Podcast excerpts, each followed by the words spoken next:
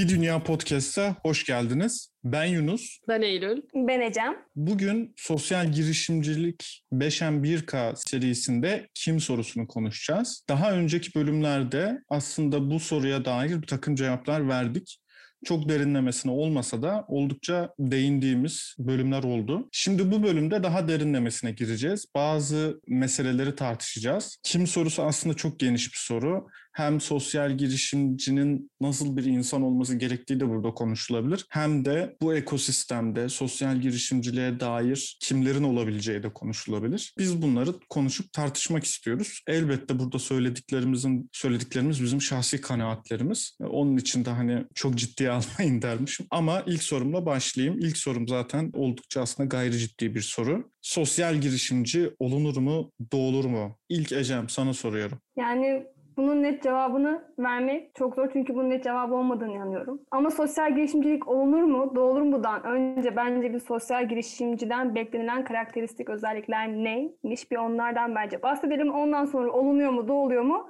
onu konuşuruz diye düşünüyorum. Stanford Social Innovation Review'dan 7 tane karakteristik özellik belirtilmiş sosyal girişimcileri e, ait. Bunlardan biri liderlik. Demişler işte bu insanlar e, sosyal girişimciler sorunları çözmek için inisiyatif alırlar, eylemde bulunurlar. Yani şikayet etmezler, harekete geçerler. İkincisi iyimserlik demişler. Ne kadar çevresindeki insanlar onlardan şüphe etse bile işte güçlü bir öz yeterlik duyguları vardır. İyimser yaklaşırlar. İşte değişen koşullara kendi geliştirip o koşullara adapte olabilirler. Üçüncüsü dayanıklılık ve cesaret diyor. Burada da işte sebat, tutku ve sıkı çalışmanın bir birleşimi olarak söylüyor. Yani e, görevlerine tam bir bağlılıkla sürdürüyorlar, vazgeçmiyorlar. Yine bir dayanıklılık özelliğimiz var. Bu da işte zorluklara, engellere ve başarısızlıklara karşı dayanıklılık. İşte burada da e, her ne kadar böyle olumsuz şeyler olsa da o olumsuz şeylerin ardındaki fırsatı görüp kendilerini geliştirerek çıkarlar. Beşinci özelliğimiz olarak yaratıcılık ve yenilikten bahsediyorlar. İşte burada da yeni olasılıkları görürler, alışılmadık, alışılmışın dışında yaklaşımlar sergilerler e, diyor. Altıncı özelliğimiz empati. Burada işte başkalarının yerine kendilerini koyabiliyorlar, onların dertlerini daha iyi anlayabiliyorlar diyor. Ve yedinci özelliğimiz ise duygusal ve sosyal zekadan bahsediyor. İşte insanlarla iletişim ve bağlantı kurmada güçlüdürler diyor. Sonra işte belirtmiş bu yedi özellik e, pratikte geliştirilebilecek bir şey. Ya ben bu yedi özelliği gördüğüm zaman şey düşündüm direkt. Dedim yani bu bir işte başarılı olmak istiyorsan aslında sahip olman gereken ya da özellik. Hani sadece sosyal girişimcilere atfedilebilecek bir özellik değil bunlar. Yaptığımız her işte aslında başarılı insanların sergilediği özellikler. Ve pratikte de geliştirilebilen bir şeyse ben burada böyle şey ayırma doğru bulmuyorum açıkçası. Hani sosyal girişimci budur, karakter özellikleri budur. İşte sosyal girişimci doğar mı?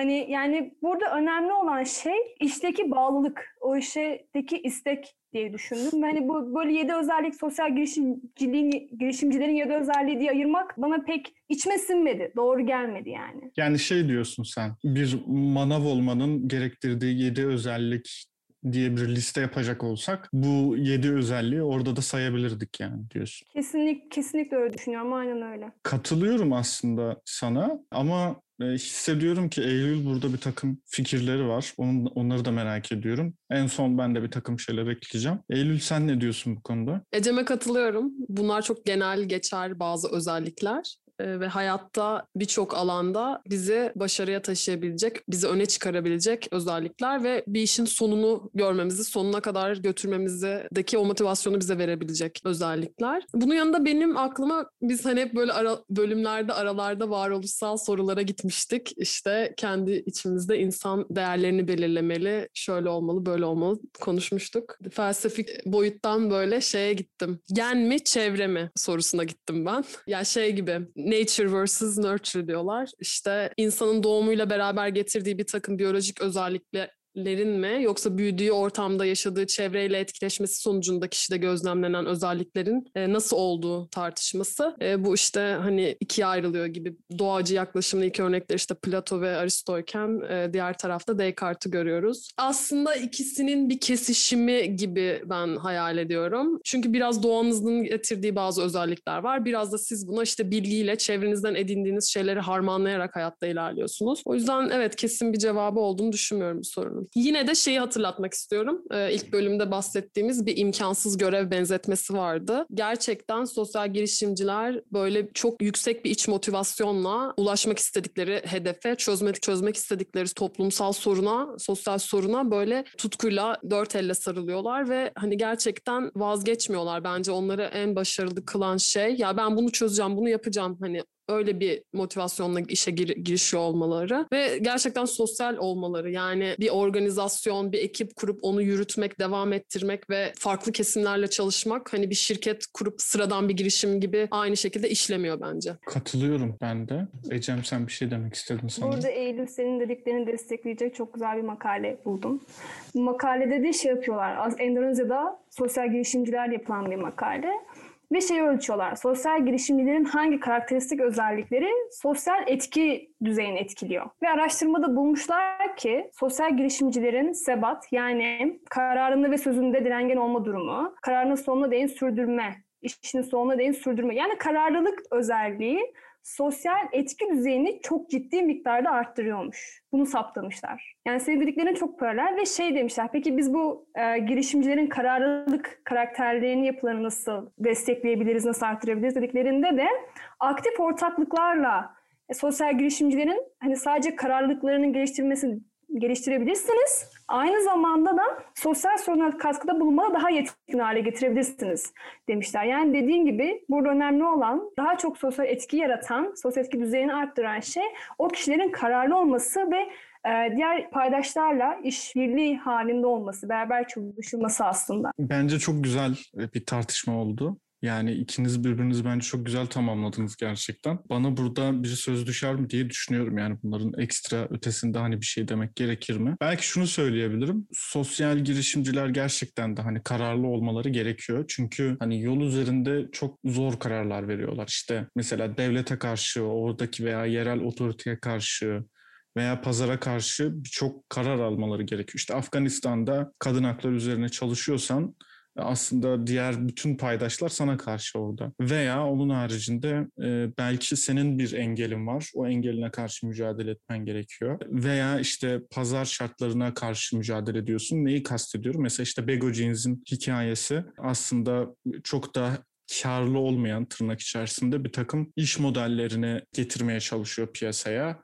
Yani nedir o? Çok daha ucuza, çok daha hızlı, efektif bir şekilde üretmek yerine insanların sağlığına zarar vermeyecek, çevreye zarar vermeyecek bir üretim modeline getirmeye çalışıyor. Yine burada ciddi bir kararlılık gerekiyor. Yani birçok farklı durumda gerçekten ciddi engellerle mücadele ediyorsun. O manada kararlılık benim de siz söylerken şimdi bir daha bir dikkatimi çekmiş oldu. Onun haricinde bir de şu da var. Belki ona da değinilebilir. Bizim içerisine doğduğumuz aile, yetiştiğimiz ortam bu ne kadar önemli. Yani çok fakir bir ortam da büyümüş olabiliriz, yaşıyor olabiliriz veya ekonomik açıdan çok daha şanslı, çok daha iyi bir ortamda da yetişmiş olabiliriz. Tabii yine burada da çok fazla değişken olduğu için tek böyle bir senaryo kurmak mümkün değil ama sosyal girişimcilerin profiline baktığım zaman sonuçta ekonomik durumu iyi olan işte ne bileyim veya beyaz yakalı birisinin de sosyal girişimci olduğunu görüyorum. Çok daha sıkıntılı bir ekonomik durumdan gelip çok iyi bir sosyal girişim, çok başarılı bir sosyal girişim kuranları da görüyorum. E, o halde bu burada da bir sınıf e, ayrımı yok sosyal girişimcilik açısından. Yani herkesin her türlü ekonomik sınıftan gelen, her türlü kültürel yapıya mensup, dünya bakışına mensup, eğilime sahip insanın olabileceği bir şey sosyal girişim. Hani zaten şey de çok sıkıntılı bir durum. Yani bunu böyle bir takım dar kalıplara sokmak, işte e, sınırlamak, böyle bir totaliter bir yaklaşım olur. O da hoş değil diye düşünüyorum zaten en başından itibaren. Evet o zaman Türkiye'de sosyal girişimci kimdir diye bir soru atsak ortaya. Bunun bir cevabı var mıdır? Sosyal girişimci dediğimiz insan, birey ne tür şekillerde ortaya çıkıyor? Şimdi British Council Türkiye'de sosyal girişimcilik araştırması raporundan çok güzel veriler var bunun için. 2019'da yapılan bir araştırma.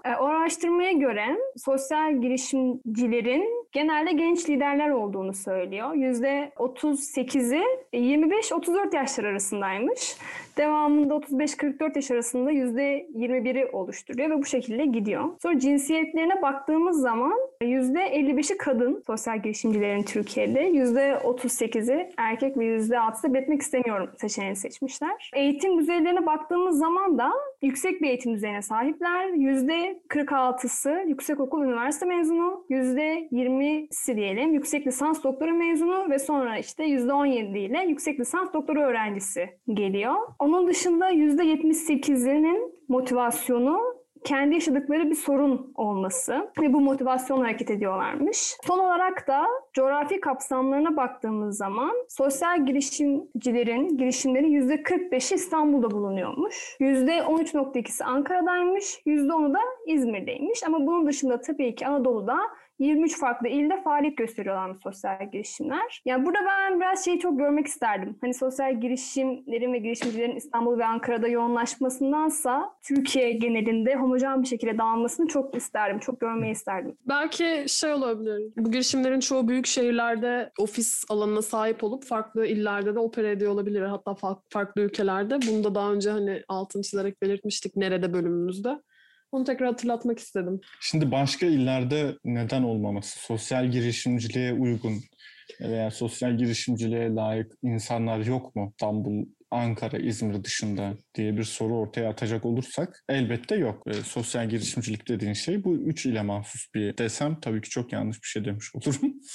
Ama e, tabii burada şuna da değinmek gerekiyor. Demek ki sosyal girişimci olmak için e, bir takım çevresel faktörler de çok önemli gerçekten ve çevresel faktörler o bölgedeki sosyal girişimciliğe dair eğilimleri arttırabiliyor. Yani insanların daha kolay bir takım çözümler bulmasını sağlıyor şüphesiz. Türkiye'de de sosyal girişimcilik ekosistemine dair birçok paydaş ne yazık ki İstanbul, Ankara ve İzmir'de ama özellikle İstanbul'da yoğunlaşmış durumda. E, bu paydaşlar neler peki? Paydaştan kastettiğimiz şey ne? Sosyal girişimi tek başına soyutlayarak düşünemeyiz. E, genel olarak baktığımızda ekosistemin temelinde bir e, finansman mekanizması işliyor. Bu mekanizmaya böyle hani arz talep tarafı tarafı olarak değerlendirebiliriz. Sosyal finansman ekosisteminde birçok farklı kurum ve kuruluş yer alıyor. Bunlar hani üç ana başlıkta toplayacak olursak bir finansal kaynak sağlayanlar, iki finansal kaynaklara erişmek isteyenler, bunlar sosyal girişimler olarak düşünelim. Üç aracı kurumlar var. E, buradaki bilgileri de şöyle e, aktarayım, kaynak belirtiyorum. KUSİP'in sosyal finansman rehberinde çok güzel, detaylı grafiklerle işte akışının nereden nereye olduğunu. Çünkü orada farklı e, benim şu an bahsetmeyeceğim bazı detaylar da var. Evet, finansal kaynak sağlayanlar, finansal kaynaklara erişmek isteyenler ve aracı kurumlar olarak üç ana paydaştan bahsedebiliriz. Aracı kurumlarda ekosistemdeki oyuncuları buluşturmak ve finansal kaynağın akışını sağlamakla sosyal etki ve performansı takip eden kurumlar olarak öne çıkıyor. Burada aslında her paydaş kendi yetkinliklerini, uzmanlıklarını, finansal ve finansal olmayan kaynaklarını bir araya getirmekte ve bir pazar yaratmakta. Aslında ekosisteme baktığımızda oldukça dinamik ve e, organik bir yapıda olduğunu söyleyebiliriz. O yüzden hani biz hep sosyal girişimci, sosyal girişimci diye bahsediyoruz ama hani bu büyük resmi çok fazla çizmedik e, bu şu ana kadar. O yüzden kim sorusu bence bunun için doğru soru. Yine bu ekosistemin ar- arkasında işleyen mekanizmalar var. Bu mekanizmalarda aslında sermaye çeşitleri ve sermayenin akış yönüyle e, vücut buluyor. Yine aracı kurumlar bu akışı yönetiyor. Türkiye özelinde baktığımızda sosyal finansman rehberi kaynağında e, öne çıkan benim e, böyle altını çizdiğim nokta şeydi. E, sektördeki bilgi eksikliği ve bunun doğal bir sonucu olarak da finansman araçlarının e, eksikliğinden bahsediliyor. Hani aslında hani şey söyledik ya sosyal girişimleri neden daha az görüyoruz diğer illerde mesela. Bir sebebi bu olabilir. Bilgi eksikliği ve e, finansal araçların e, oralarda daha böyle yaygınlaşmamış olması. Bunlardan en iyi bir örnek girişim filantropisi. Ee, hatta Türkiye'de daha yeni yeni oluşmaya başlıyor. Avrupa'da mesela hem kanuni altyapı hem de girişim filantropisi gibi sermaye akışını sağlayacak ama odağına sosyal girişimleri alarak yapabilecek yapılar oluşmaya başlamış. Türkiye'de daha çok yeni ve aslında öncelikle bunların statülerin tanımlanması gerekiyor. Bu bir problem olarak öne çıkıyor. Sosyal fin- finansör olmayı tercih edebilecek birçok kişi ve kurum varken onlar da mesela konuda konuyla ilgili çok bilgi sahibi olmadıkları için öne çıkamıyorlar ve sosyal girişimcilik sektörüne uzak kalıyorlar. Bu anlamda bu raporda da rehberde de e, bilinçlendirme ve bilgilendirme yapılması gerektiğinin altını çiziyor e, yazarlarımız. E, özetle ben şunu tekrar etmek istiyorum. Kanuni altyapının eksikliği, bilgi yetersizliği ve finansal araçların e, eksikliğinin giderilmesi yönünde yapılabilecek çok iş var bence. E, belki bunu ayrıca hani tekrar bir bölümümüzde ele alıyor olabiliriz. Ee, ayrıca bir bölüm kesinlikle gerekiyor bu soruya. Ee, yani bu ekosistemde bulunan diğer paydaşlar bizi ne şekilde etkiliyor? Nasıl imkanlar var? Nasıl dezavantajlar var? Bunlardan bahsetmek elbette önemli. Ben sadece bu konuya şöyle ufak bir yorum yapmak istiyorum. E, o da şu, evet sosyal girişimciliğe dair imkanlar Türkiye'nin işte İstanbul ve Ankara gibi illeri dışında çok yok. Ama bu demek değil ki hiçbir imkan yok. Öyle bir şey de elbette yok. Zaten Eylül'de hani bundan bahsetmedi. İşte kalkınma ajanslarını takip etmek bu anlamda çok önemli. E, ulusal düzeyde ve uluslararası düzeyde yapılan yarışmaları takip etmek çok önemli. İşte abilan.com'u veya benzeri böyle e, ekosisteme dair çeşitli fon imkanlarını e, takip edebileceğiniz sistemleri e, bilmek çok önemli. Oralardan bunların takibini yapmak çok önemli. E, onun haricinde zaten aslında girişimciliğin ilk başlangıcı da aileyle, öz sermayeyle, arkadaşlardan edindiğiniz finansal kaynaklarla aslında başlattığınız bir şey. Bir başlangıç yaptıktan sonra artık en azından eskisine oranla e, uluslararası ve ulusal düzeyde yatırımcı bulmak veya fon bulmak bir nebze daha kolay. Ama burada tabii ki şöyle bir durum da var. Etki yatırımı dediğimiz şey Türkiye'de yok. Direkt şu an yok. Etki yatırımı çok daha yeni böyle hani başlayacak e, eli kulağında gibi söyleyebiliriz. Ama bu olmadığı için yani bir yatırımcıya gidip sen etki odaklı bir yatırım yapacaksın diyemediğimiz için ciddi anlamda aslında sosyal girişimciliğin çok hızlı bir şekilde büyümesini engelliyor diyebilirim. Onun haricinde bilgi eksikliği elbette e, ciddi anlamda var Türkiye'de. Türkçe kaynak anlamında yani demin mesela British Council'ın raporundan bahsetti. O British Council'daki çalışan kurumlara bakın işte bir tanesi de KUSİF. Ama ne yazık ki böyle bir elin parmağını geçmeyecek sayıda kurum tarafından bu alanda kaynak üretiliyor. Fakat tabii şu var. Türkçe değil de işte İngilizce eğer biliyorsanız bu tarz kaynaklara ulaşma imkanınız çok daha e, ciddi anlamda artıyor. Dil bariyerini kaldırdığınız anda inanılmaz bir imkan çıkıyor ortaya. Ama elbette bu Türkçe kaynak üretimi sorumluluğunu üzerimizden atmıyor. Buna dair ciddi bir sorumluluk var. Aslında bu podcast'te başlı başına bu sorumluluğu bir anlamda gidermek için veya işte cevaplamak için yapılan bir podcast. Bunların haricinde de son olarak hani şunu söyleyeyim. Gerçekten de coğrafya anlamında bence e, ciddi bir potansiyel var Türkiye'de. Çünkü Van'a gittiğinde, Erzurum'a gittiğinde, Antep'e gittiğinde, Muğla'ya gittiğinde nereye giderseniz gidin o bölgedeki sorunları çözmek isteyen inanılmaz insanlarla karşılaşacaksınız. Hani dediğim gibi yani arka planlı, kültürel arka planları işte sahip oldukları mesleklerden gerçekten bağımsız bir şekilde söylüyorum. Kimi zaman öğrenci, kimi zaman emekli, kim olursa olsun bu sorunları çözmek isteyen insanlar var. Yeter ki bunun mümkün olduğunu bilsinler ve e, Türkiye'de bu alanda çalışan, bir takım sorunların çözülmesini isteyen insanlar olarak hani birbirimizle dayanışmakta çok çok önemli. Burada son olarak şunu söyleyeyim. Bu ekosistem dezavantajını ortadan kaldırmak adına zaten yapılan en büyük işlerden bir tanesi Türkiye'de şu an. Türkiye Sosyal Girişimcilik Ağı. E, bu ağın bir platformu var. Sosyal girişimcilik nokta, e, sosyal girişimcilik ağı.org'dan bu ağa katılabilirsiniz. Aynı zamanda sosyal medya hesapları var. Buradan da yine kendinizi işte bu sosyal girişimcilik ekosistemindeki paydaşlara ulaşamamaktan dert yanıyorsanız bu ağ sayesinde bu e, paydaşlara ulaşmanız bir nebze olsun kolaylaşıyor. Onun için şiddetle tavsiye ediyorum buradan dinleyicilerimize de. Ben bir soru sormak istiyorum. Şimdi sizi dinlerken aklıma geldi bir anda. Dedik ki Türkiye'de çok ihtiyaç var sosyal girişimciliğe, sosyal etki yaratmaya ve bir yandan bahsettik ki sosyal girişimciliğin %78'i e, kendi deneyimlerinden motive oluyorlar. Kendi yaşadığı sorunlardan motive oluyorlar. Ve bir yandan da işte sosyal girişimciler yüksek eğitim düzeyine sahipler. Bir yandan da ekosistemdeki eksikliklerden bahsettik Eylül'ün anlatımıyla. Burada şey aklıma geldi. Bizim şu an bir gerçeğimiz var. Covid 19 üzerinden yaklaşık bir buçuk iki sene geçti ve bu insanlarda bir farkındalık yarattı bir noktada. Bazı şeyleri daha görünür kıldı. Belki de daha derinleştirdi. Bu anlamda Covid-19'un etkisiyle, yaşanmışlığıyla e, sizce Türkiye'de bu geliştirilmesi gereken alanlar ekosistemde geliştirilir mi? Veya bu hani sosyal etki yaratma, e, fayda yaratma farkındalığı daha çok artar ve belki sosyal girişimcilerin eğitim düzeyi yüksek öğretimden daha aşağı inip de lisedeki öğrenciler de sosyal girişimci olmaya e, çalışır mı bu konuda alır mı? Bu sorular aklıma geldi. Siz ne düşünüyorsunuz bu noktada? Benim ilk aklıma gelen e, aslında öncelik olarak ekonominin bir toparlanması gerekecektir. Çünkü hala insanlar daha böyle basit ihtiyaçlarını, iş güvenliklerini sağlayamaz, ondan emin olamaz haldeler. E, İlk etapta acil olarak bunun bir toparlama göstermesi gerekiyor ve Türkiye özelinde de şu an kurdaki müthiş dalgalanmanın bir böyle durulmasını bekleyebiliriz. Çünkü içeri giren, dışarı giden ithal, ithalat, ihracat da bundan çok olumsuz etkilendi. Bence biraz daha hani insanlar öncelikle topluma faydalı bir şey yapmaktansa hani kendini bir toparlamalı e, haneler, bireyler. Ama tabii ki farkındalık tarafında bence yani çok basitinden işte hayat eve sığar uygulaması bile ya da birbirimize olan hani dışarı çıkacağız bir şey yapmamız gerekiyor, bir işimizi halletmemiz gerekiyor. Bundaki hani bunu bu basit adımları atarken bile gösterdiğimiz farkındalık ve işte buna verdiğimiz önem belki başka işlere de tesir edecek. Aslında bunun etkisini de görmeyi ben kişisel olarak böyle merakla bekliyorum. Gerçekçi bir altyapı burada döşedin öyle diyeyim.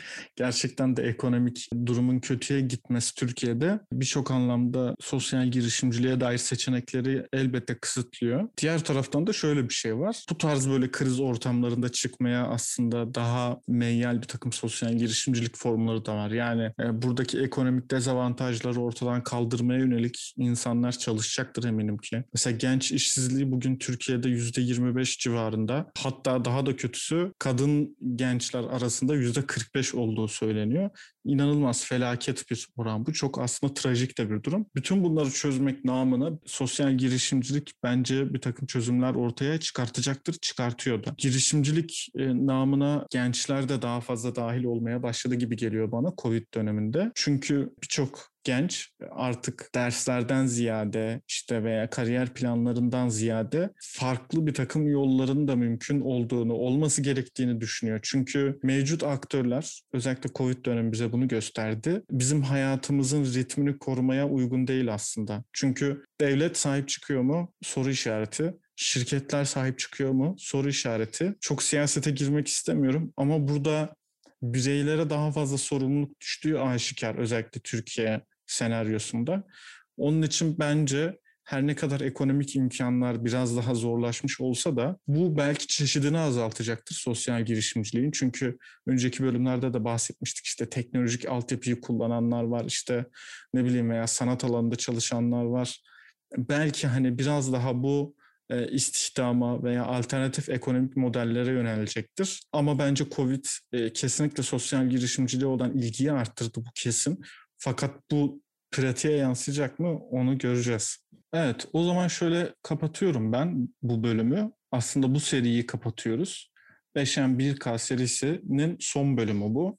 Ee, bu demek değil ki bundan sonra biz bölüm yapmayacağız. Aslında bu bundan sonraki bölümlerin temelini oluşturan bir seri oldu. Çünkü bundan sonra belki daha böyle spesifik, daha böyle özel konularda içerikler üretmeye çalışacağız. Kimi zaman konuk alacağız. Kimi zaman işte belki hot topic olan bir noktaya değineceğiz. Ee, ama orada konuşurken, bir takım meseleleri tartışırken dinleyenlerin daha böyle olayın içine girmesi, daha böyle rahat kavrayabilmesi için bu ilk 5'en 1K serisinin dinlemelerini tavsiye edeceğiz. Bundan sonraki bölümlerde de sizlerden gelen tavsiyeler bizim için çok önemli. Ee, sizin bir konuyu mesela merak ediyorsunuzdur. Bu konuyu beraber öğrenebiliriz. Hani şu da yok. Sonuçta bu podcast'i yapan e, üç kişi de bu alanda kendisini geliştirmek isteyen, öğrenmek isteyen insanlar. E, onun için sizden gelen önerileri duyduğumuz zaman e, biz de bunu öğrenmek için e, kolları sıvayacağız. E, gerek bulabildiğimiz kaynaklardan öğrenmeye çalışacağız. Kimi zaman da çağıracağımız konular, konuklarla, bu alandaki uzman insanlarla hep beraber bir öğrenme süreci deneyimleyeceğiz diye umuyorum.